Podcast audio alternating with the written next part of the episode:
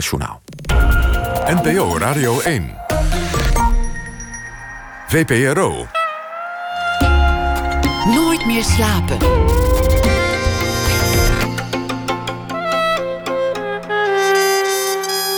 Met Pieter van der Wielen. Goedenacht, dit is Nooit meer slapen. Mijn gast komend uur wordt inmiddels gelezen in alle hoeken van de wereld. Stond in de New York Times bestseller top 10, aanvaardt en passeert uitnodigingen uit alle windhoeken. Zozeer dat er mensen zijn die zich afvragen in het buitenland of er eigenlijk nog wel meer Nederlandse schrijvers zijn. Kort samengevat, Herman Koch zit tegenover mij. Hij heeft een nieuw boek en dat boek vertelt het verhaal van Stanley Forbes. Een personage dat hij al eerder opvoerde, onder meer als figurant in het boek Zomerhuis met zwembad. Stanley Forbes is een Nederlandse filmregisseur die een beetje op zijn retour is en die cast een jonge actrice zonder enige ervaring met op het eerste gezicht onduidelijke bedoelingen. Via dat personage neemt hij de Nederlandse filmwereld flink op de korrel. Maar laten we natuurlijk niet de schrijver met het personage verwarren. Een pareltje. De enige oplossing voor het Nederlands filmklimaat is als ze één voor één knielen en ik ze dan door het hoofd schiet. Zegt dus het personage, niet Herman Koch. Herman Koch werd geboren in 1953. Welkom. Leuk Hallo. dat je er bent. Ja. Dat is wel een lekker zinnetje als dat uit je pen rolt. Of schrik je dan zelf? Ja, nee, het is nu. Het, kijk, het ging volgens mij. eh, ging het zinnetje over. eh, de dramaturgen en de filmcommissies. die over jouw film dan gaan oordelen. Die kun je het beste. Eén voor één laten knielen. Ja, één voor één. En eh, dat zegt het personage natuurlijk. Ja, hè? dat zeg jij niet natuurlijk. Nee, nee, nee, nee. Maar dat is tegenwoordig nog wel eens verwarring over. Mhm. Wel, is nou de schrijver aan het woord? Of heeft hij een verdorven geest dat hij een personage verzint die dat soort dingen zegt? Ja, ja, ja. Of, nee, of, dat, eh, dat- mag, mag Herman nog wel eigenlijk? Ja, nee, dat, het loopt allemaal een beetje door elkaar. Ik ga me ook niet helemaal erachter verbergen dat, dat dat personage is. Maar het is natuurlijk wel zo, als je eenmaal het personage hebt... durft die dingen te zeggen die ik misschien zelf niet zo gauw... stel dat ik een artikel zou schrijven eh, over de, de, de, de staat van de Nederlandse film en het acteren... zou ik misschien dat, die die term niet gebruiken. Maar deze, deze filmregisseur die duidelijk zijn eh, bekomst heeft van het hele filmklimaat in Nederland, zoals het altijd geweest is, die mag dat, dat soort dingen volgens mij wel denken. Want die wordt op een gegeven moment is het natuurlijk heel lang tegengewerkt. Het is tegenwoordig wel vaak discussie over, over schrijvers die hun personages niet in de hand hebben of niet corrigeren.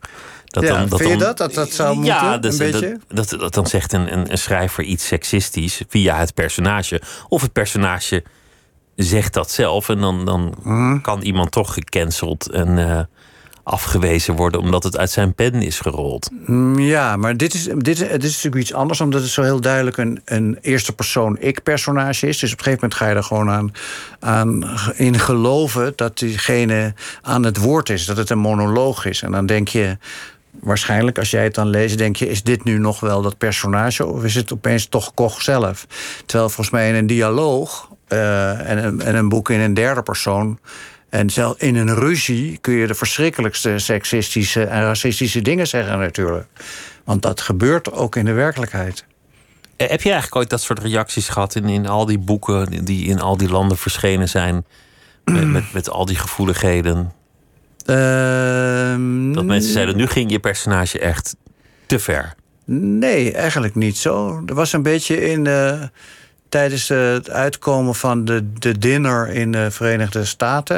Er was wel een beetje discussie of er niet een soort eh, lichte racistische ondertoon in dat boek zat. Omdat er een eh, geadopteerde Afrikaanse jongen in voorkwam. die dan ook nog niet zo leuk bleek te zijn. En dat was, de, dat was de, de tijd waarin dat, waarin dat niet kon. Dat, kon, niet, dat kon. Het moest een Afrikaanse jongen moest sowieso een slachtoffer zijn. Oh ja, of, of een held. Of een held, of, die, of Ja. iemand die, waar die lijkt nog misschien dat hij iemand zijn handtasje steelt. Maar dat hij daarna toch vooral bejaarden gaat helpen met oversteken. Ik heb veel aan dat boek gedacht recent... naar aanleiding van eh, alle verhalen... onder meer hier in Hilversum... maar ook op andere plekken van kopschoppende kinderen... van eh, rijke ouders... Ja, waarbij het lijkt voor het, voor het oog van de krantenlezer... je bent natuurlijk niet overal bij... alsof die ouders na van de eerste schrik te zijn bekomen... vooral bezig zijn met, met het redden van hun kind. ja, van het ja. juridisch apparaat. Ja, dat is nu een paar keer voorgekomen, hè? Het, het lijkt wel alsof, alsof het diner in die zin een profetisch boek was. Ja, maar dat zou wel heel jammer zijn, toch? Als het zo is. Als dat zo was. Ja, dat zou ik wel. eh, eh, profetisch, nee, dat is misschien net iets te groot woord. Maar ja, dit soort dingen zijn volgens mij ook wel van alle tijden. Ik, ik heb het alleen opgeschreven. En eh, natuurlijk heb ik het opgeschreven, bedoel ik. Maar de, de gedachte ligt eraan. Bij mij is de, de triggergedachte geweest. Dat eh, die ouders tot elke prijs hun kind gingen be- eh, beschermen. Wat een ouder ook toch uiteindelijk wel zal doen. Ja. Wat ik ergens ook wel begrijp. Ja, want begrijpelijk. het- En niet alleen, want nu wordt het een beetje gezegd van ja, de ouders uit betere milieus. En eh, die proberen natuurlijk met, die kunnen advocaten beter be- betalen. En die kunnen dan de bescherming voor hun kind voor elkaar krijgen. Maar dat was niet mijn eerste opzet. Het, het- die mensen komen weliswaar uit zo'n milieu, een politicus en een ex-leraar.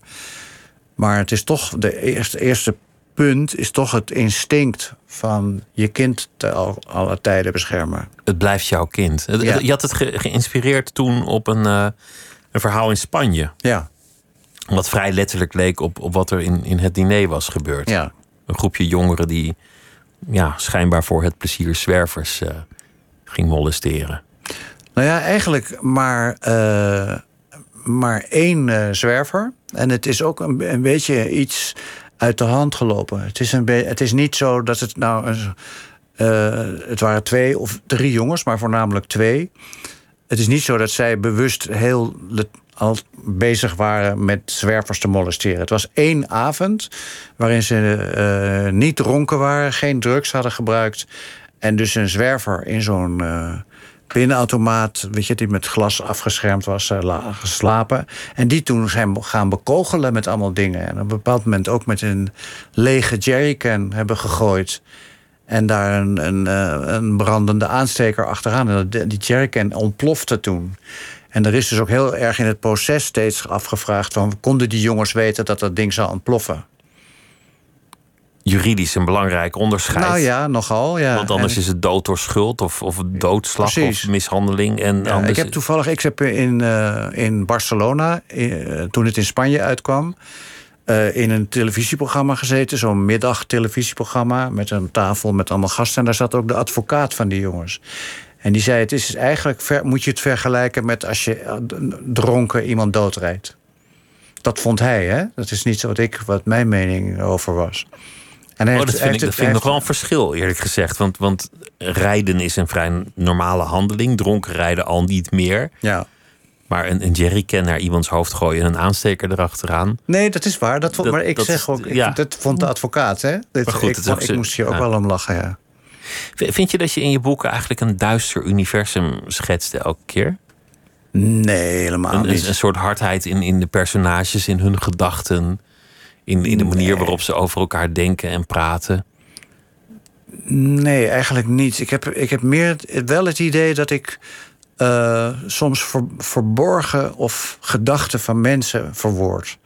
Die meer Dingen die mensen. ze niet zeggen, maar, maar waarvan jij denkt dat ze die denken. Ja, en wat ook dan vaak blijkt te kloppen. Ik heb nu de afgelopen week een paar, dat waren niet eens echte interviews. Nou, eentje was vanmiddag wel in een boekwinkel.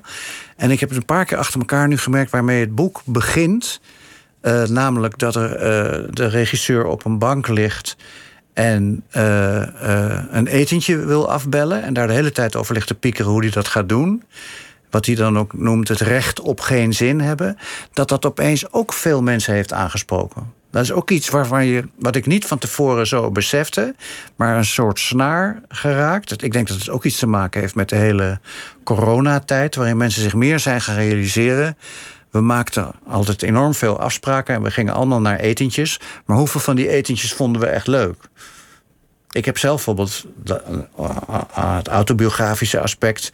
Wat ik een enorme hekel heb aan etentjes die over twee weken zijn. Nog erger, etentjes die over anderhalve maand zouden, zullen plaatsvinden. Die zijn dan ook altijd bij mensen die heel lang. die hoor je bijna door de telefoon in hun agenda bladeren. Zitten ze nog een gaatje te zoeken waar ze dan kunnen. En ik vind dat zo vermoeiend. Ik vind het zoveel leuker om op de dag zelf met iemand af te spreken. Gewoon, zullen we vanmiddag ergens wat gaan drinken? Zullen we wat gaan eten? Of morgen dan desnoods? Dit, is, dit is een duistere gedachte waarvan ik wel met je meega dat de meeste mensen die hebben.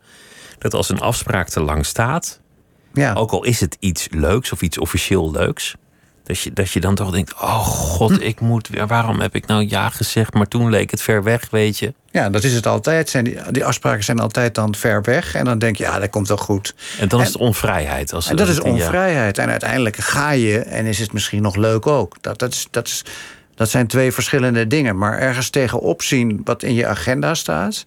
Dat je denkt dat je opeens denkt: wacht eens even, ik heb iets verkeerd gedaan. Want er zit geen één lege dag meer tussen.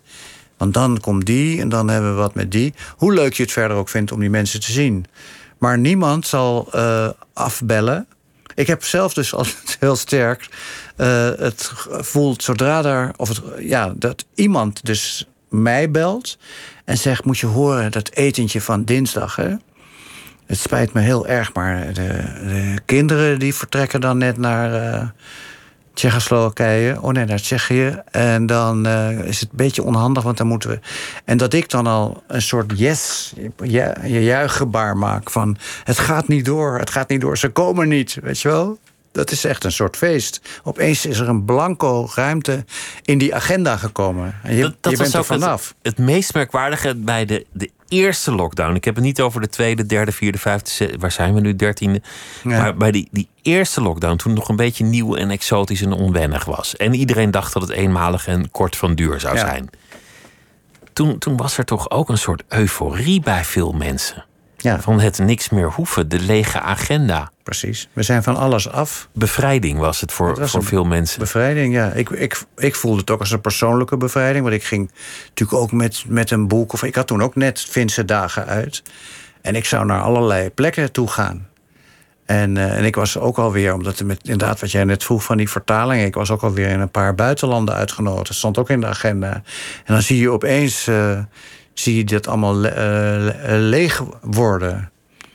En wij zaten heerlijk in een huis ergens op het eh, platteland. En eh, ik dacht, eh, laat, kom maar op met die lockdown. Nog leuker is als mensen zeggen dat iets misschien niet door zou gaan. Hm? Dat, dat, dat ze dan bellen en dat ze zeggen: Nou, het kan zijn dat je uitzending vanavond vervalt, want er is dameshockey in, in Uruguay. Ja, En dat kan zomaar uitlopen en dan vervalt je uitzending. En ik heb altijd als iets misschien niet doorgaat, denk laat dan maar gewoon niet doorgaan. ja dat is wel toch zo prettig. Bel dan maar meteen dat het helemaal Ja. niet doorgaat. Ook Ja. al had ik er zin in, maar, Ja. maar toen dat dameshockey kwam, dan laat dan maar zitten. Ja, laat dan mij- hoeft het niet meer. Dan ga ik lekker op de bank naar de Uruguay's eh, dameshockey luisteren. Ja, joh, net zo goed. Ja. Dit is wel een mooi gegeven iemand, want het is ook nog nieuwjaar. Iemand die geen zin heeft en een smoes zoekt. Mhm. En aan de hand daarvan eigenlijk zijn leven beschouwt en zijn vriendschappen Ja. en, en zijn carrière. Is dat ook het vertrekpunt van een boek? Is dat genoeg om, om te beginnen aan een boek?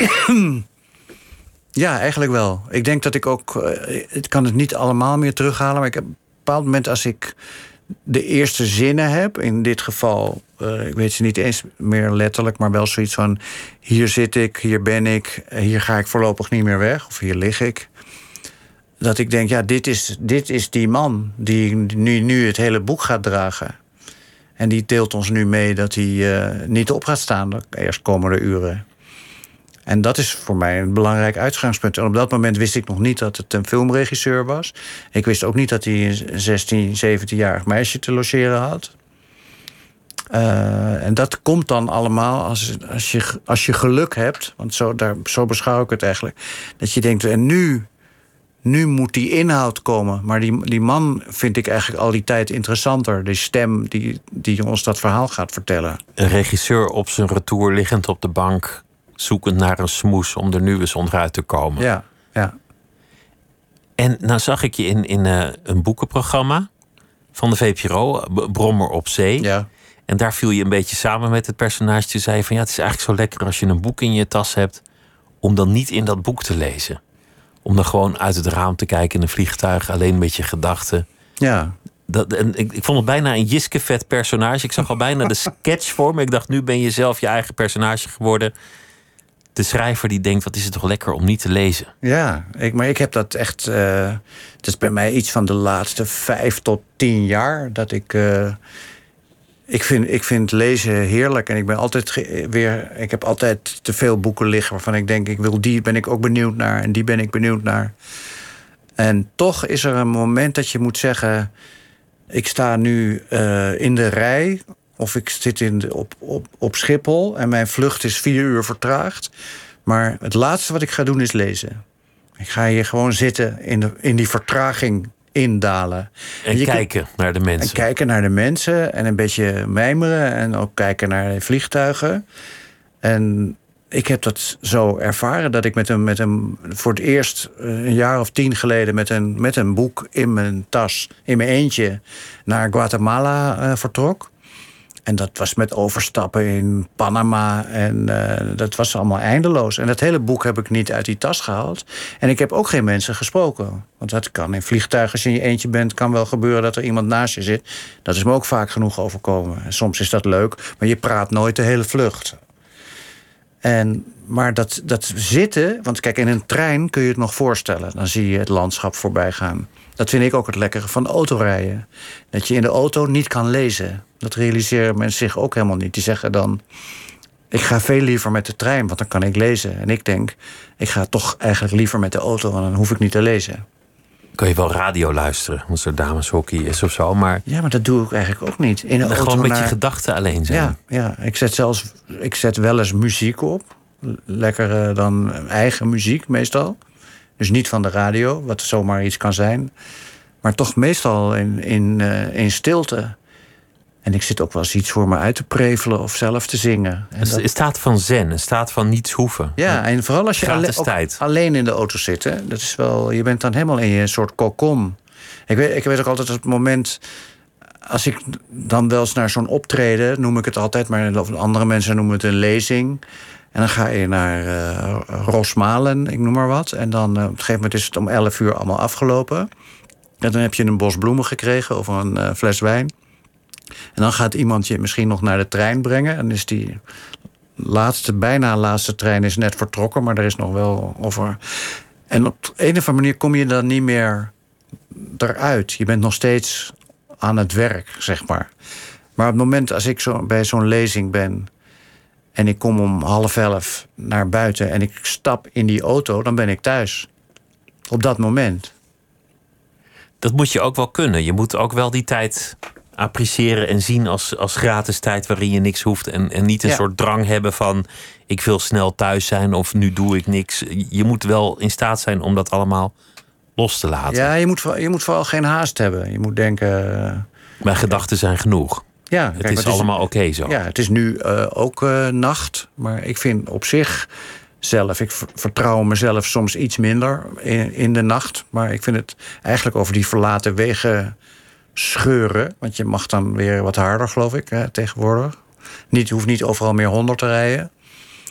Ja, vind ik wel eh, een, een ervaring met al die lichten en al die bedrijventerreinen en McDonald's-masten. Ja, prachtig land is het hoor. Ja, Ja, het is heel mooi. Ja. Nederland is echt, eh, vooral vanaf de snelweg. Ja. Je, je personage luistert ook steeds minder de muziek van vroeger. Heeft op een gegeven moment de cd's weggedaan. En digitaal in de laptop gestopt. En Mm. Ja. toen alleen maar de leuke liedjes. En daarvan gingen er ook steeds meer verloren. Ja. Tot hij helemaal geen muziek meer opzet. En denkt, nou, ik Mm. ken het allemaal wel. Theater gaat hij liever niet meer naartoe. Want hij vindt gewoon dat toneel een veel te lange zit. En hij ergert zich meestal. ja. En zijn liefde voor de film is eigenlijk waar het ooit op begonnen was. Maar dat wordt ook wel wat minder. Het slijt allemaal af. Hij, hij staat in die zin niet meer heel gepassioneerd in het bestaan. Nee. Nee, dat is zo. Dat is een beetje een soort. eh, het is ook een beetje een soort eh, aflopende zaak. Ja, dat is een iets te veel misschien eh, spoiler om nou te zeggen hoe het met die man eigenlijk werkelijk gaat. Maar hij is, natuurlijk een beetje aan zijn laatste kunstjes bezig. En eh, dan denk hij heeft het idee dat hij met zo'n, eh, behalve wat voor verdere bedoelingen met, met zo'n jong meisje heeft, dat eh, moeten we maar even in het midden laten. Dat weet hij zelf volgens mij ook niet. Nee, dit, moeten het we, dit moeten we niet spoilen. Maar dit was wel het deel wat ik, wat ik prachtig geslaagd vond.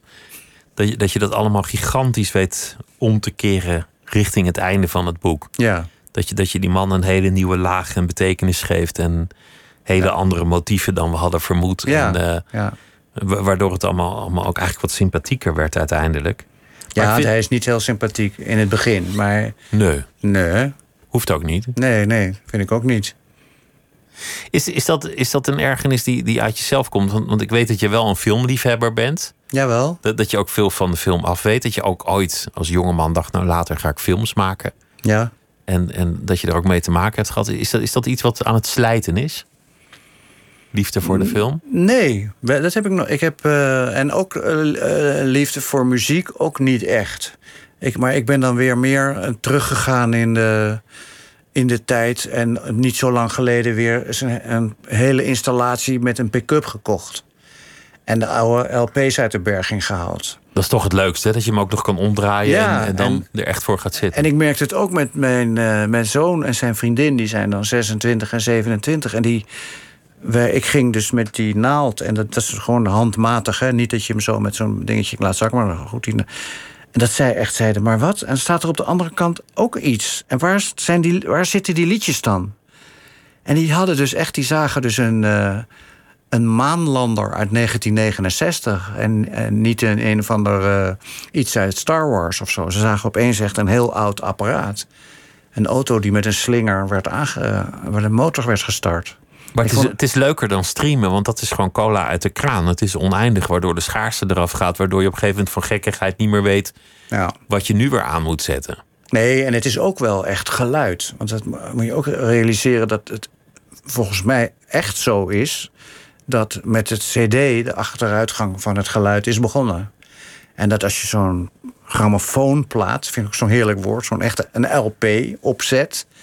dan heb je weliswaar een paar van die tikjes en dat geluid op erbij.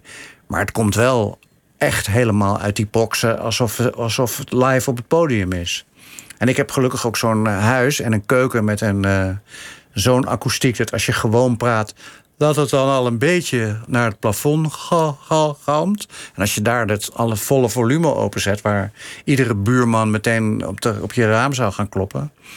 Dat is wel een ervaring. En dat is totaal iets anders dan een koptelefoon en iets uit je, uit je eigen je MP3 iPhone, spelertje. Je MP3-speler, ja. En, en natuurlijk ook dat je iets koopt en met, zorg uitkiest en eh, dan geld voor neertelt en dan naar huis loopt en dat je ja, uit het folie haalt. En, Ja. Oh, de, of bedoel je de LP? ja, de LP, Ja, dan, de dan, LP. dan, dan is dat schaars. En ik moet er wel bij zeggen, dan had, had ik Lee Morgan gekocht, want er was een nieuwe, nieuw ding. En dan ligt hij nog in het plastic, omdat ik geen eens tijd had om het te draaien. Omdat mijn hele weekend was volgelopen met afspraken waar ik niet onderuit kwam. Nou, ik heb nu ook wel wat ik merk, en dat, die kritiek krijg ik dan thuis ook wel van mijn, van mijn vrouw, die dan zegt: Ja, je hebt dat ding nou wel gekocht, maar dat wordt zo vaak staat er als niet een plaat op. Je doet het in praktijk helemaal niet. Nee. Je, je, je hebt je personage dingen laten zeggen die ik, die ik eerlijk gezegd van veel Nederlandse filmmakers wel gehoord heb door de jaren heen. Van laten we ze afschieten, die mensen van die commissies. Of als Ja. al die chefs eens uit de keuken gaan, dan komt er misschien weer eens een goede film uit. Ja. Nederland blijft achter om, omdat er gewoon te veel bemoeienis is, te veel regeltjes, Zeker, ja. een te dogmatische kijken. Heb je, heb je daar zelf ooit mee te maken gehad? Nou ja, ik heb het vooral, vooral veel uit de, uit de tweede hand. Dan van, eh, omdat ik ook, wij ook met, bij Jiske Vet natuurlijk te maken hadden met mensen, met cameramensen, ook met eigen plannen en hoe dat dan. Ik hoorde veel van die verhalen en eh, ook van acteurs en actrices en zo en hoe ingewikkeld dat dan allemaal was. Maar ik heb zelf ook ooit een keer een NPO, dat was toen zo'n zo'n serie van korte televisiestukken van een half uur. En toen had ik afgesproken in een Amerikaan met mijn eerste synopsis. Die hadden ze dan gelezen. En toen zaten daar één of twee dramaturgen. En eh, nog iemand die dat mis- misschien zou gaan regisseren. Of een, een soort. eh, en toen begonnen ze dus te zeggen van ja, we vinden het wel jammer dat er. eh, het, is, het begint heel interessant. Maar er zit eigenlijk geen enkel positief personage in. En toen hebben we nog even doorgepraat. En op een gegeven moment heb ik daar ter plekke gezegd: Weet je wat het is, jongens? Ik ga dit gewoon niet doen. Ik ga gewoon naar huis. Ik ga, ik ga, ik wil, ik ga helemaal geen stuk schrijven voor de NPO. Dit is bijna letterlijk in, in, in je boek terechtgekomen. Ja, een nou ja, soort dan gelijke scène. Ja.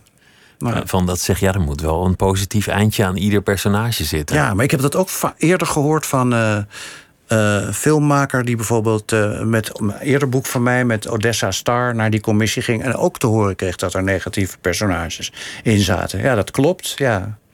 Maar in elke Woody Allen film zitten ook alleen maar negatieve personages. Nou, misschien is het geen goede vergelijking, maar voornamelijk niet zulke sympathieke. Over het algemeen niet. En dat maakt het juist leuker. Ja. Je, je, je regisseur hekelt ook het Nederlandse acteren. En dat is natuurlijk ook altijd een heikel punt. Ja, nou. De, het toneelschool Nederlands. De achterste rij moet het ook horen, jongens. Ja, en niet alleen het volume, maar ook het, het snelle praten. Het vaak heel netjes praten. En als het dan een keer een accent moet uit Rotterdam eh, en Amsterdam, dan valt het ook, eh, dan valt dat ook meteen door de mand. Er wordt ook zo gepraat, alsof wat je zo, zoals er in de Jordaan nooit gepraat wordt in Amsterdam. Dat is, dat is nou precies wat je oud-collega Michiel Romein eh, vorige week hier zei. Oh ja? In dit programma. Die hekelde, die had, die had een soort gastles gegeven aan jonge acteurs. En die begonnen allemaal, als ze iets moesten, meteen heel slecht Amsterdams te praten. Ja, ja, ook een misverstand. Dat je, dan eh, misschien, dat je dan al meteen een typetje bent of een karakter zou zijn. Terwijl je nog het, nee, het beste dicht bij je eigen stem kan blijven en gewoon rust. Maar ik zie elke keer weer zie ik die trailers weer voorbij komen van die Nederlandse film. Ik vond trouwens wel. Uh, dat kunnen we toch wel, mag we toch even onthullen dat, er, dat die eh, Stanley Forbes ook een film heeft gemaakt in 2006. Die heet De Andere, andere Anne Frank. En dat nu vandaag in première is gegaan. Nou, de vriendin het, van Anne ja, Frank. De vriendin van Anne de Frank. eerste film over Anne Frank. In In- Nederland. in gemaakt, Nederland, Een ja. speelfilm. Dus, je, dus je, je, je wist dat niet. Nee, nee, hoe kan ik dat nou weten? Ja, dat, dat, dat plan ja. misschien ook al zes jaar geleden.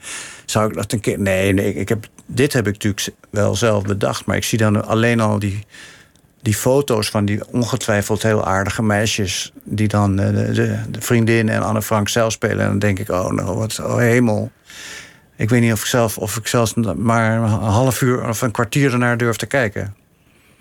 Misschien valt het mee, maar ik ben bang van niet. Weet je wel, dat het weer, dat het weer iets een rampzalig eh, misverstand is. De recensenten waren niet erg lovend eh, vandaag over, over die. Nee, ik heb er maar één film. recensie gelezen. Die was inderdaad niet erg lovend. Maar dat zegt ook niet alles. Nee, hoor. nooit. eh, Helemaal Nee. niet. Nee. Ik heb heel vaak dat ik films, filmrecensies met vijf sterren... dan weet ik bijna zeker dat ik het niet goed vind. En die van drie zijn meestal wel, te, wel goed te doen. Hangt vanaf wat het is. Als het een, een, een IJslandse zwart-wit documentaire over aan lager wal geraakte Hm. vissers is en het krijgt vijf sterren, Ja? dan, dan hoef je nog steeds niet te gaan. Nee, dat is waar. Dan kan je nog steeds denken, nou, Nou, misschien toch volgende eerst week maar anders. naar... Kijk even of die dan nog draait. Ja, ja. Is, is Paul Verhoeven eigenlijk een soort, soort model geweest voor, voor, eh, voor Stanley? Ja, in die zin eh, niet wat betreft zijn, eh, met, wat zijn karakter of, eh, of zijn idee om met een 16-jarig meisje een film te gaan maken en die spanning, maar wel als voorbeeld van een filmmaker die na drie films in Nederland gewoon heeft, ook heeft gedacht: ik wil niet meer vergaderen over mijn ideeën. Ik wil naar Hollywood. En dat dan ook nog gelukt is. En misschien heeft hij niet alleen maar hele goede films gemaakt, maar toch wel een paar. En ik vind hem als persoon een soort eh, flair hebben en brutaliteit die ik ook wel bewonder. Het is een, niet een, het is wel iemand waar die. Ik weet dat hij een keer zomergast eh, was. En dat behalve dat hij heel vaak niet waar eh, zegt. Ja, dat zegt hij vaak, niet Ja, waar? nou, goed, dat is, eh, Maar iedereen het was een, een machtig mooie, mooie aflevering. ja, vond ik ook. En dat komt omdat het gewoon iemand is waar je, naar, waar je uren naar kan luisteren. Omdat hij zo geïnteresseerd is en zo ah, wat hij vertelt. En heel breed en heel belezen. En, en ik denk wel met afstand de grootste filmmaker levend uit Nederland. En toen Mhm. had hij een première op Cannes. Een, een veel grotere eer bestaat er niet voor een filmmaker. Toch een Nederlander die er staat. En toen werd, eh, ik weet niet wat precies de functie was, maar de, de opperbaas van, van het Filmfonds, Ja, de, de, de, de hoofdsubsidieverstrekker, eh, die werd geïnterviewd en, en die, die begon hem eigenlijk een beetje af te knauwen. Van ja, het is toch jammer dat, eh, dat, dat hij dan hier staat en niet een van onze andere talenten. Echt waar? Om- Omdat het allemaal toch niet zo heel woke was wat die Verhoeven maakte. En, en ja, daar was toen ook wel wat verontwaardiging over bij veel mensen. Maar in plaats van dat je zegt, nou goed, dit hebben we bereikt. En, wat en leuk, wat, wat, wat leuk en wat trots. Ook al had het Filmfonds er part nog deel aan, want ze hebben er niet Ja, aan meebetaald. ja. Mhm. Ging, die, ging die er nog een beetje aan afkammen. Ja, en ja, dat is een beetje de Nederlandse mentaliteit. Ik geloof niet eens de Nederlandse mentaliteit. Er is sowieso wel een, een mentaliteit in allerlei landen om mensen die het heel goed doen, internationaal, om die een beetje naar beneden te halen. Merk ik wel vaak. Als ik in, als ik in Dat is in Spanje niet anders. Of in, Nee, nee, nee, in Parijs dan noem ik... En wat vind jij nou goed zijn? Dan zeg ik, nou, Michel Houellebecq vind ik wel altijd heel... be- Ach, altijd weer die Houellebecq, zeggen die Fransen dan. Dat komt omdat hij daar een tijdje heel veel op televisie was. Ja? En dan vonden ze, hem, vonden ze hem irritant en smakeloos op tv. En dat zijn mensen die hebben vaak die boeken helemaal niet gelezen, maar daar Nee. een enorme mening over. Omdat die man altijd zo'n grote mond had in talkshows. Ja. Tot ja. hij dat niet meer deed. Dat hij dacht, nou ja, ik word er helemaal niet geliefd ervan. De Ja. verkoop gaat alleen omlaag. Ik kan net zo goed thuis blijven. Ja, ja. Maar ja, wat, wat je had ook net zei met die. Ik wist dat niet, dat die man van het filmfonds dat had gedaan. Maar het is.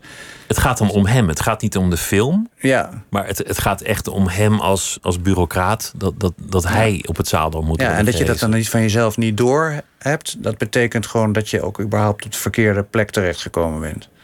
Zit er in jouw boeken ergernis naar, naar mensen of personages of situaties... dat je denkt, ik heb, ik heb gewoon zin om een keer een knal uit te delen? Jazeker. Ja, dat is zo. Dat, dat gebeurt. Ik denk, kan, dat is, Van, die ga ik een dreun geven. Ja. Komt-ie. Ja, die, die komt er. En, en soms zal diegene ook weten dat, dat die dreun voor hem of haar bestemd is. Dat is, dat is wel leuk. Dat is de vrijheid van het schrijven. Dat je, ik heb altijd van heel jongs af heb ik... Dat dacht ik kan me een keer herinneren dat ik met een vriendinnetje aan het liften was door Frankrijk. En dat we toen ergens bij een Nederlands gezin bleven overnachten. En dat was toen zo'n man die, die, eh, die bleef maar door kletsen over de afstanden tussen de sterren.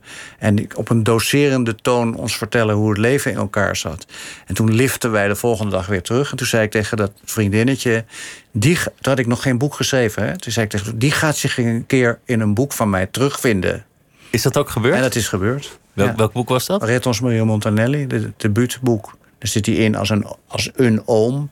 Maar zo duidelijk herkenbaar dat mensen tegen mij zeiden... ja, dat kun je toch eigenlijk niet maken. Want als die man dat zelf leest... Maar dat was ook een man die zei... eh, ja, ik lees nooit romans, want ik weet na vijf pagina's al hoe het afloopt. Dus toen zei ik, nou, hij zal het nooit lezen... want hij komt toch maar tot pagina vijf. En al leest hij het, dan krijgt iemand een keer een, een, een tik, toch? Ja, dat is ook juist. Ik, ik zou het liever hebben dat ze het wel lezen. Dat had ik ook wel toen met Montanelli, met die leraar van Montessori. Dat hoorde ik ook achteraf dat een paar tegen elkaar gezegd hadden. Oh, ik ben zo blij dat ik er niet in voorkwam. En dat is gewoon leuk. Je kan denken, ik heb me een beetje verveeld op school. En, eh, maar ze hebben ook niet goed opgelet. Er zat één leerling in de klas die wel eh, zag hoe het allemaal ging. In, in dit boek zit op een gegeven moment het, het advies, geloof ik, van... eh, kijk, let niet op, luister niet naar wat ze zeggen, maar kijk naar de leraar. Ja, ja, dat daar, komt zul je, ook- daar zul je meer van opsteken. Ja, ja, dat komt ook uit een film, dat komt van- uit een film van Woody Allen, hè, die dat zo tegen een nichtje zegt, die die meeneemt naar de bioscoop. De film Cries and Misdemeanors. Daar, Oh ja. daar heb ik het ook van. Ik citeer ook eh, dat het daar uitkomt. En eh, dat, daar zit wel een soort eh, waarheid in. Ik denk het ook, dat je, dat je beter de mens kan kennen dan de stelling van Pythagoras. Want die kan je altijd Ja. nog een keer opzoeken. Dat, en, ze- en eh, zeker in deze moderne tijd kun je bijna alles opzoeken. En je hoeft niet volgens mij eh, twee uur of meer uur per week in een klaslokaal te zitten om aard- aardrijkskunde uitgelegd te krijgen.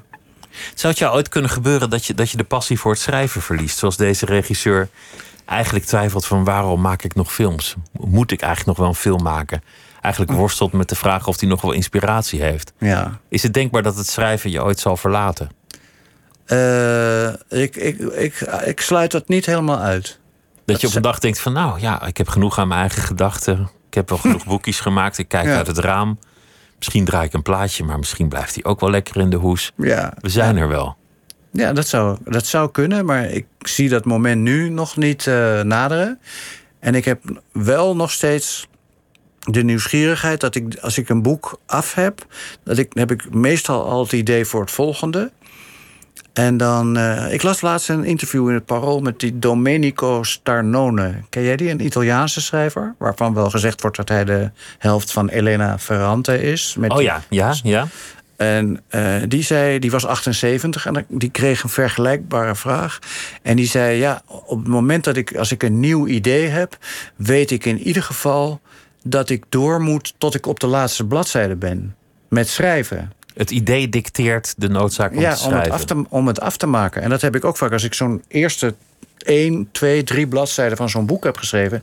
Dan weet ik gewoon, er is geen andere mogelijkheid nu dan het af te maken. Want ik ben wel echt nieuwsgierig naar hoe het, hoe het afloopt, welke kant het op gaat. Want dat weet ik niet. Maar je bent niet zoals, zoals een Peter Buwalda obsessief gedreven. Dat, dat hij, eh, die, die mocht dan van zichzelf alleen maar de, de Thaise bezorger open doen en dat oppeuzelen. En verder moest er alleen maar getypt worden. Ja. Dag en nacht met slaapgebrek en al. Mhm. Vervreemd van vrienden en familie. Ja. relaties liepen op de klippen, want dat boek moest er komen. Ja. Eh, jij schrijft geloof ik een uurtje, anderhalf per dag en dan, dan ben je er wel weer voor die dag. Ja, en dat is niet zo van. Ah ja, ik doe dat eventjes in anderhalf uur. Maar ik merk gewoon dat ik na anderhalf, soms zijn het ook wel tweeënhalf, dat het gewoon verslapt. Dus er is een bepaalde concentratie die ik heb, die maar heel kort werkt. En ik kan die concentratie alleen maar verlengen door een uh, glas wodka in te schenken. Maar soms is het pas elf uur en dan denk ik, nou, zou ik dat nou wel doen? Of zou ik morgen verder gaan? of zou ik morgen verder gaan? En ik ga ook wel eens wat langer door. En ik heb ook wel eens dat ik, dat ik dan smiddags pas dat wodkaatje neem. En dan denk ik, toch even stiekem kijken wat het nou was van vanochtend. Want het ging niet helemaal lekker. En dan verbeter ik snel een paar dingen met een, met een licht andere blik. Een, licht vertroebelde of juist veel helderder blik op uh, wat ik eerst had gemaakt. Maar ik ben inderdaad niet obsessief. Ik heb niet het gevoel dat mijn werk beter zou worden van er 14 uur per dag aan uh, bezig zijn. Dat wordt, dat wordt alleen maar slechter. Maar ieder zijn eigen methode. Dat ze zijn ook Ja, schrijvers die een hele schema. Ja, het maakt, maakt mij niet uit. Als het een goed boek oplevert en iemand zegt: Ik heb daarvoor 20 uur. eh, eh, heb ik me zes jaar lang opgesloten, 20 uur per dag. En het, is, het wordt een meesterwerk, dan zeg ik: Ja, dat was jouw, jouw werkmethode. Ga ik niet in twijfel trekken dan. Voor wie eh, de radio net pas gevonden heeft, Herman Koch is eh, aangeschoven. Eh, een film met Sophia heet zijn nieuwe roman. Je je was hier wel eens eerder en toen, toen vertelde je een, een anekdote, en ik heb het expres niet opgezocht of, of teruggeluisterd. Dat je een examen ging doen voor de lerarenopleiding om uiteindelijk geschiedenisleraar te worden. En dat je in een heel lucide moment dacht: nee, wacht, ik word zo'n mopperende oude leraar later. Laat ik gewoon dat examen overslaan. Ja, klopt. Ja. En, en dat, je, dat je in je bed bleef liggen, niet naar het examen ging om te voorkomen dat het diploma er zou kunnen komen. Mhm. Want als het diploma er zou komen, zou je kunnen terugvallen op dat bestaan. Dus als een stok Ja. achter de deur om niet leraar te worden, heb je gewoon nooit dat diploma gehaald. Ja, ja want dan- dat, precies. Dat, ja. Dus de, de, de stok achter de deur was, is dan alleen nog maar dat schrijven. Je kan verder, als je verder niks kan, Dan moet je wel. dan moet je wel. En Wist dan, je dat toen al, dat het schrijven zou worden? Ja, ja. Ja, ik was toen ook al wel in de begin twintig. Ik, ik wist wel zo'n beetje rond mijn achttiende dat ik dacht dat ik wist ik dat ik het leuk vond om te doen. En, en het beroep ervan maken, dat kwam zo rond mijn twintigste. Eigenlijk, dat moet ik gewoon. En dan moet ik dus niet een baan daarbij hebben. Wel een baantje, dat heb ik ook heel veel gedaan, allerlei baantjes. Maar dan vo- bijvoorbeeld vooral nachtwaker. Want dan wist ik dat dat schaadt het schrijven niet. Dan kan ik ook eens, zat ik op zo'n bedrijventerrein en dan schrok ik van ieder geluid buiten. Maar ik had wel zo'n bloknootje bij me. Dan schreef ik wat dingen op. Dus ik zocht de baantjes ook uit dat ik, dat, eh, dat ik het zo eh, kon combineren. Eh, Het mooie is dat je gehoorzaamd hebt aan, aan dat visioen van jezelf als mopperende oude leraar. In, in zo'n in zo'n lerarenkamer met, god, 3B was weer onrustig vandaag zeg. Wordt elk Ja. jaar erger. Ja, Veel mensen zullen op een dag zo'n visioen van zichzelf hebben en dan later merken dat ze er niets aan hebben gedaan en het visioen gewoon is uitgekomen. ja, ja, Want, want doemscenario's voltrekken zich altijd langzaam. ja. Maar, je, maar je, hebt, je hebt het heel lucide gewoon doorgehad en, en eraan gehoorzaamd. Ja. En ik ben daar nog altijd blij om. Het was zelfs nog, eh, nog er- ik had gesolliciteerd terwijl ik nog niet, dat diploma nog niet had. Had ik gesolliciteerd op een gymnasium, volgens mij in Baren. En waarom in Baren, weet ik meer. Er was een vacature. Ik dacht, dan heb ik, een, heb ik alvast een baantje. En ik was daar eigenlijk al aangenomen. Ze, hadden ze, ze zagen, ja, je bent wel erg jong. En je bent ook nog niet afgestudeerd. Maar ja, we hebben wel gebrek aan docenten. En opeens zag ik dat, liep ik dat gebouw uit van dat gymnasium. dacht ik, ik ben toch juist een paar jaar geleden dat schoolgebouw uitgelopen. om er nooit meer terug te komen. Wat doe ik hier? En Dus het dan was een een, een gymnasium in Baar nog waarschijnlijk een paradijs in, in onderwijsland. Dat ook nog, ja. Maar eh, eh, je kan aan de ene kant zeggen, ik had dat misschien een jaar kunnen proberen. Dan had ik een, was ik ervaringrijker geweest. En was ik er wellicht ook wel mee opgehouden. Je, je hebt veel persoonlijke ervaringen uit je leven toch wel in boeken verwerkt. Ja, In Finse klopt. dagen ging het over, over een tijd die je als jonge man echt in Finland hebt doorgebracht. Of Mhm. dat ging erover, dat, dat is te letterlijk, maar diende wel ter inspiratie. Ja, Je hebt in het Boekenweekgeschenk destijds de- een, een scène van een man die zijn latere vrouw ontmoet in Spanje gebruikt. Die was volgens mij rechtstreeks uit je eigen leven ontleend. ja, En, en dat was een man die de rest van zijn leven bleef glunderen van... nou ja, het is mij gelukt om de mooiste vrouw op aarde te veroveren... dus wie maakt me nog wat? Ja, ja, ja. Is, is, is, dat, is dat eigenlijk ook hoe je dat altijd gezien hebt? Wat dat veroveren? Van, van je eigen vrouw, dat je denkt, nou ja, joh, ik, uh, zolang zij nog naar me kijkt, is alles goed. Oh ja, nou ja, nee, ik heb wel een soort uh, vertrouwen of een soort warm en prettig gevoel dat ik denk, uh, zolang het goed gaat met, met ons en tussen ons, dan is er weinig wat daar tussen kan komen, zeg maar. Maar het is niet zo dat ik, er, dat ik er een soort trots aan heb van wie maakt mij nou nog wat. Want dat heb ik, dat heb ik niet. In het algemeen niet. Nee. Nee. nee, ik probeer, probeer, een beetje te, te achterhalen waar de innerlijke rust eigenlijk zijn oorsprong vindt. Ja. Als, als dat niet een te zweverige vraag is. Hm. Waar, het, waar het echt vandaan komt. De innerlijke, in, jouzelf.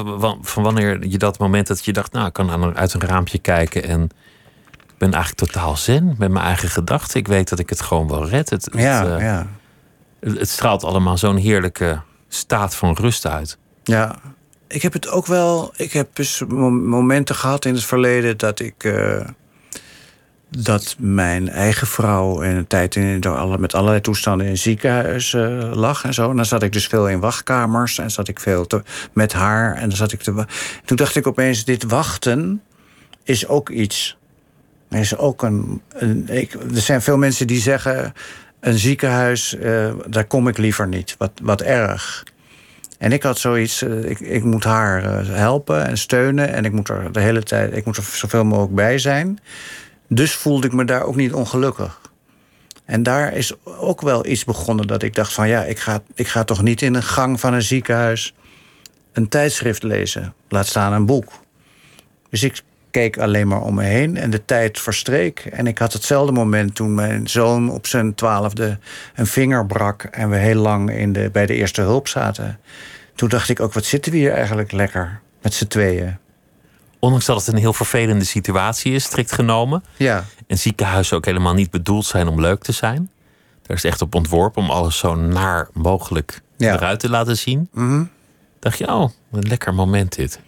Ja, ik moet zeggen dat ik me toch wel daar, daar thuis voel. Ik, het, is een heel, het is misschien een totaal verknipt eh, iets. Ik weet niet, ik heb, als ik in een ziekenhuis kom... en ik moet wel eens eh, ergens voor... en dan heb ik bloed laten afnemen... dan kijk ik om me heen en kijk ik mijn ogen uit... en dan denk ik niet van... oh, ik wou dat ik zo snel mogelijk hier weer wegkom.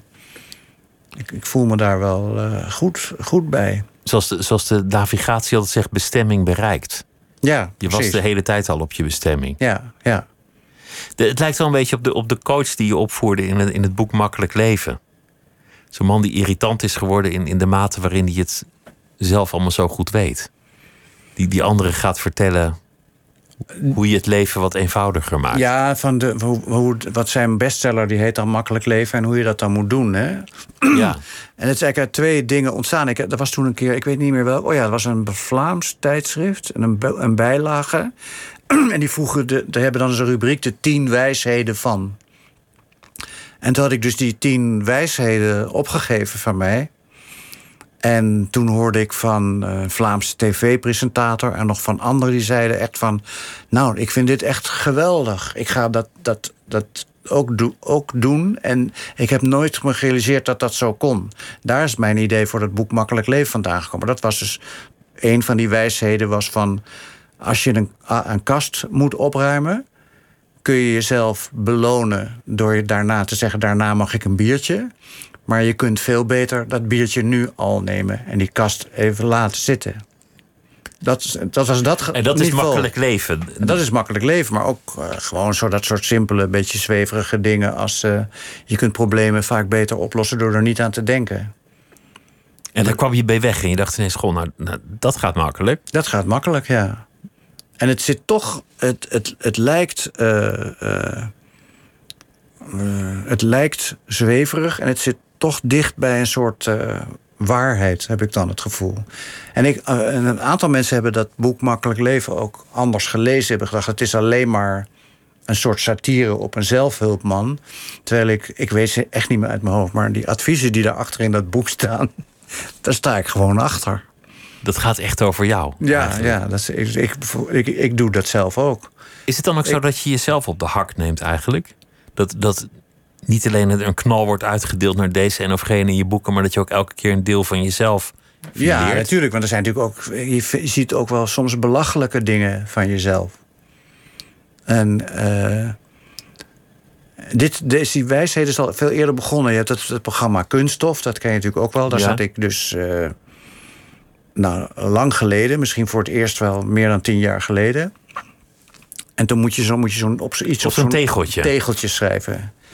En toen had ik, had ik opgeschreven als spreuk, het eerste wat in me opkwam. Stel altijd uit tot morgen wat je ook vandaag nog zou kunnen doen. En toen was ik zes jaar later weer in dat programma. En toen kreeg ik weer een tegeltje. En toen schreef ik precies hetzelfde op. Toen zei ze, ja, maar dat heb je zes jaar geleden al opgeschreven. En toen zei ik, ik sta er nog steeds achter. Maar ik sta er nog steeds achter en ik stel het nog steeds uit allemaal. Vroeger voelde ik me schuldig over het uitstellen van dingen. En, en er komt een soort ommekeer dat je denkt... ja, maar dat, dat is een deel van mijn persoonlijkheid om dingen uit te stellen. En doordat ik eh, niet de afwasmachine in ga ruimen... maar nog even op de bank blijf liggen... heb ik een prettiger leven. Of kom ik op een idee. Geldt het ook voor, voor, een, voor een hoger niveau als je naar het bestaan kijkt van dingen die je eigenlijk nog een keer wilt doen? Omdat mensen, het heet dan een bucketlist, van hun leven ook een soort to-do-lijstje aan het maken zijn. Dingen Ja. die je nog moet doen of zien of eh, bereiken voor je sterft. Eh, nee, maar dat, dat heb ik helemaal niet. Ik heb, ik heb helemaal geen, eh, geen bucketlist. Ik denk dat die hooguit steeds kleiner wordt. Dus laten we zeggen, twee jaar geleden stond ik op het punt om naar eh, Chili eh, te vertrekken. En met een four-wheel drive door de Atacama-woestijn te gaan rijden. En door omstandigheden ging dat toen niet door. En nu is het twee jaar later en denk ik, ik denk niet dat ik nog daar, naar, naartoe ga. Denk niet dat, dat is niet mijn, een van mijn grootste wensen om nu alsnog met die four-wheel drive door die woestijn te rijden. Ja, als ik er nu morgen kon zijn, dan wel. Dat is, ik vind het altijd leuk om met een four-wheel drive door moeilijke wegen te rijden. Maar de hele, het hele gedoe om weer die lange vluchten en die tijdsverschillen en eh, al, eh, een beetje moe van. Ik, hou, ik vind het wel erg prettig om het tot Europa te beperken. En soms zelfs maar tot Nederland op. Alleen Nederland en Spanje. Je, je laat je personage in, in dit boek helemaal naar, naar Sydney vliegen. Wat, wat Ja. zo'n beetje de langst denkbare vlucht is die je kunt maken op dit bolletje aarde. Mhm. En dan is hij daar en denkt hij, goh, ja, ik wist eigenlijk al hoe dat operagebouw eruit zag. Ja, van al die koektrommels en andere plaatjes. Ja, En dan vindt hij, dan vindt hij de meeuwen vindt hij interessanter of andere vogels. ja exotische vogels vooral. En dan denkt hij, ja, ik kijk eigenlijk liever naar die vogels met, met een hamburgerzakje dan dat ik, eh, dat ik dan ook nog die trap op moet om dat gebouw helemaal in te gaan. Ja, ja. Dat, vond ik ook zo mooi. Dat je dan 24 uur hebt gevlogen en dan ben je daar en dan denk je, dan moet ik dan die hele trap ook nog op, laat maar. Maar dus, dus eigenlijk, dat toerisme, dat kwam ook tot stilstand met corona. En daar heb ik eigenlijk ook nog niemand van horen zeggen dat hij dat zo enorm gemist heeft dat al die toeristen naar zijn of haar stad kwamen. Is dat zo? Ik dacht, ik heb dat wel eens dacht dat mensen verzuchten van. Eh, wat jammer dat er geen toeristen meer zijn. nee, niet wat jammer, maar wat lekker dat het zo leeg is. Oh, dat, ja, ja, nee, dat, heb ik wel gehoord. Ja, dat hoor je. Maar niet van wat jammer dat ze er Goh, dat ze nou, ik weg zou zijn. toch, zou toch hopen dat die toeristen snel weer terugkomen. Ja, maar dat zijn, dat zijn wel, dat, daar, is, daar is het volgens mij ook echt jammer voor. Is de mensen die dus leven van de toeristen, van de, de, de, de tourguides, en de gidsen en de, en de rest, de hele horeca. Ja, die toch draait op. De, en daar is het ook heel vervelend voor. En dat merk je ook aan, aan de Spaanse kusten en zo, waar, waar toch echt wel zaken failliet gaan, omdat er niemand meer op die terrassen zit. Dat vind Ja, ik dat, ook dat wel- zijn grote drama's natuurlijk. dat zijn de echte drama's van het toerisme. Maar dat ze op zich. Ik was in juli was ik in Barcelona. Dat je dan echt merkt dat er minder mensen zijn. En dan loop ik weer langs die lelijke kerk van Gaudí. En dan zijn er opeens eh, zijn er maar 200 mensen in plaats van 2000. En je ziet opeens weer wat. Stukken beter. Ja, Barcelona en Amsterdam, dat zijn echt wel steden waar het wat minder mocht. En, en Ja, maar dat was ook, liep ook echt helemaal. Dat was niet meer normaal, toch? nee, dat was gewoon. Die stad werd te grabbel gegooid. Ja, ja. Zeg ik, maar tegelijk, als ik dan zelf op reis ga, vind ik mezelf een reiziger. Ik mezelf geen toerist, weet je wel? Dan kijk ik, god, Ja, wat zijn nee. veel toeristen. Ja, precies. Het gaat dan Nee, niet dat- over mij Dat natuurlijk. ken ik ook wel, ja. Dat je denkt, ik, ik ben toch niet die toerist. En ik voel me ook vaak geen toerist, omdat ik... als ik een rij zie staan voor San Marco eh, kerk, het kathedraal... Basiliek, hoe he- heet die ook alweer? San Marco. Dan zie ik die rij en dan denk ik, ik ga hier aan het, maar eerst aan dat terrastafeltje zitten. Een beetje naar die rij kijken. Maar ik ga niet naar binnen. Dus wat dat betreft voel ik me dan meer iemand die het toerisme observeert. Dan dat ik, maar natuurlijk weet ik ook wel dat ik zelf onderdeel uitmaak. En dat ik ook plaats in beslag neem waar gewone Venetianen voor iets minder geld dan, dan voor 8 euro per espresso eh, gewoon een kopje koffie zouden moeten kunnen drinken. Wat al lang niet meer kan. Ik zit intussen ook te denken waar eigenlijk de grens tussen rustig leven, makkelijk leven, een staat van zen zijn en gewoon luiheid precies getrokken moet worden. Ja, Wa- Wanneer ben je eigenlijk gewoon een luie donder die op de bank ligt en ongeïnspireerd liever naar het plafond staart? ja dat, is, dat, is de, dat is de andere kant. Maar het, is, het begint volgens mij inderdaad met luiheid. En dan luiheid is toch altijd iets waar je je schuldig over voelt. Wat slecht is. Wat slecht, dat wordt ook als slecht gezien. Wat ben je toch lui? Een van de hoofdzonden. Ja, en heb je nou nog niet dat geregeld? Of heb je nou nog niet dat gedaan? En eigenlijk is luiheid ook wel iets... eh, als je juist iets meer doet met je leven... dan alleen maar steeds in actie komen. Want in actie komen betekent dat je vers brood gaat halen. Maar je zegt van, nou, ik kan ook vandaag nog wel zonder vers brood. En dan is de een slechter en de ander is beter, want, want lui. Terwijl we altijd in beweging zijn natuurlijk ook een vorm van luiheid is... omdat je niet nadenkt over het nut van al je handelingen. Mm, ja, en het is voornamelijk het schuldgevoel. Dus ik heb, al, ik heb het heel lang gedacht van, wat ben ik toch lui? En ik ben dat ook wel. Ik ben ook echt lui. Dat geef ik gewoon toe. Ondanks dat je elk jaar een boek af hebt, Ja, vind ik. verder ben je wel lui. Ja, je. nee, ik, ik, ik, ik, ik produceer wel dingen. Maar ik ben in, ik ben in alles toch wel eh, langzaam en lui. En, ja. en ik, vind, ik vind het fijn om een project te hebben. En, en een boek waar ik eh, anderhalf jaar of zo gemiddeld twee jaar mee zoet ben. Gewoon, ik denk, als ik die eerste drie pagina's heb, denk ik... we zitten even onder de pannen voor de komende periode. Ik hoef niet te piekeren over wat ik ga doen. Laat zei iemand van de zeven hoofdzonden is er eigenlijk maar één waar je geen plezier aan zult be- beleven. Hmm. Want, want luiheid is eigenlijk best wel leuk en vraatzucht en, en lust. En zelfs wraak kan je wel iets bij voorstellen dat je daar nog best plezier aan zult kun- kunnen Ja. beleven. Maar afgunst, daar, daar ga je eigenlijk helemaal geen plezier van hebben. Nee, Dus dat is eigenlijk de ergste van, van de zonden. ja, En, en in jouw boek zit wel veel afgunst tussen filmmakers, wat volgens mij gewoon realistisch is ja. die bestaat. Maar het leuke is dat het ook vrienden van elkaar zijn en concurrenten tegelijk. Ja, En dat er dan een avondje met vrienden is en niemand heeft eigenlijk nog langer zin om te gaan en toch gaan ze. ja, ja.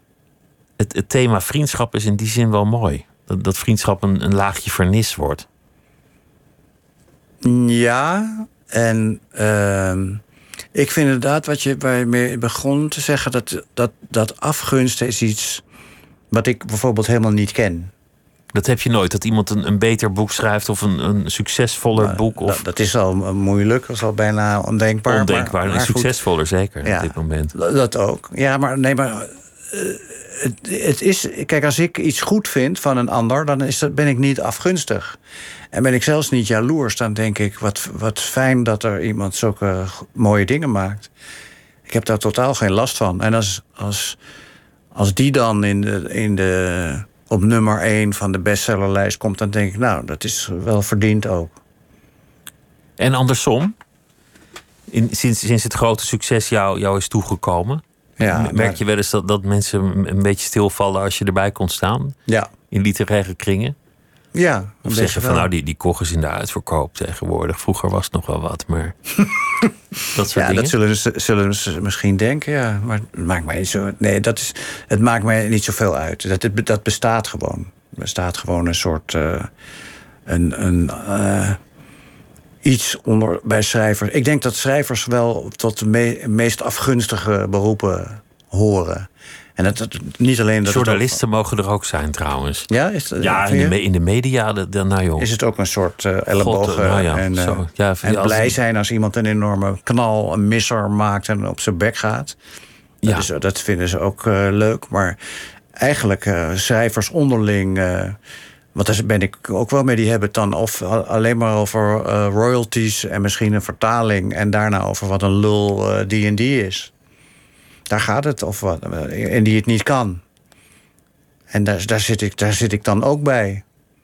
En dan denk ik, ja, wat, wat, wat zit ik hier nou te doen? Of is het, mag ik dan, doe ik nou mee of zit ik alleen maar te luisteren? Ik vind het, ik vind het eigenlijk wel behoorlijk irritant gezelschap. Schrijvers? Ja, ja, ja ik probeer het zoveel mogelijk uh, te mijden. Nou ja, in de natuurlijke staat van zijn zitten ze allemaal thuis eh, te schrijven. Maar nee, ik bedoel, ik, heb wel, ik heb, ben wel bevriend met schrijvers. Dat is het punt niet. Het gaat mij meer om groepjes. Als zodra er uh, boekenbalachtige toestanden zijn, waar ik ook, dus, ook inderdaad niet meer naartoe ga. Maar ik ben wel bevriend met schrijvers, met één op één of met z'n tweeën.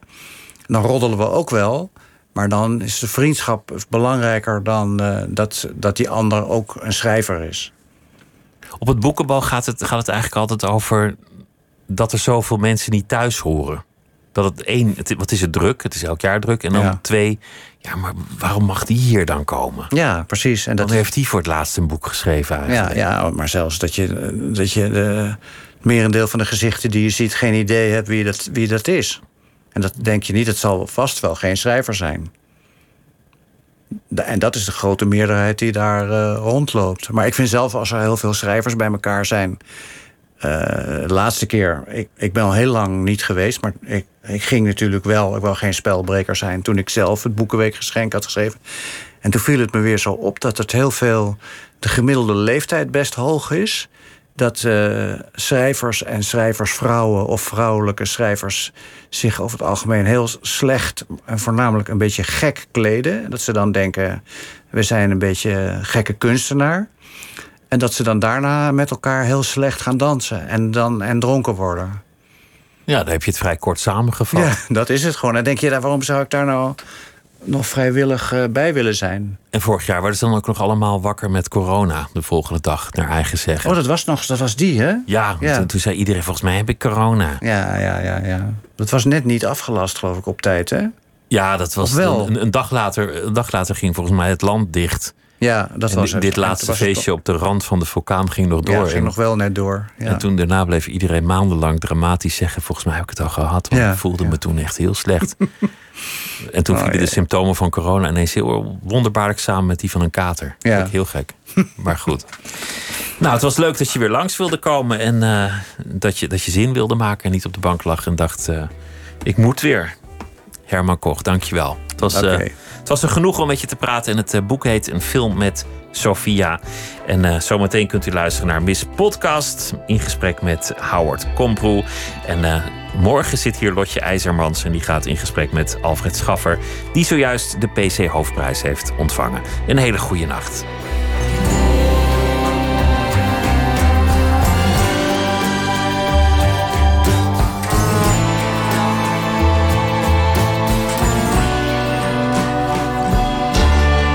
Radio 1. Het nieuws van alle kanten.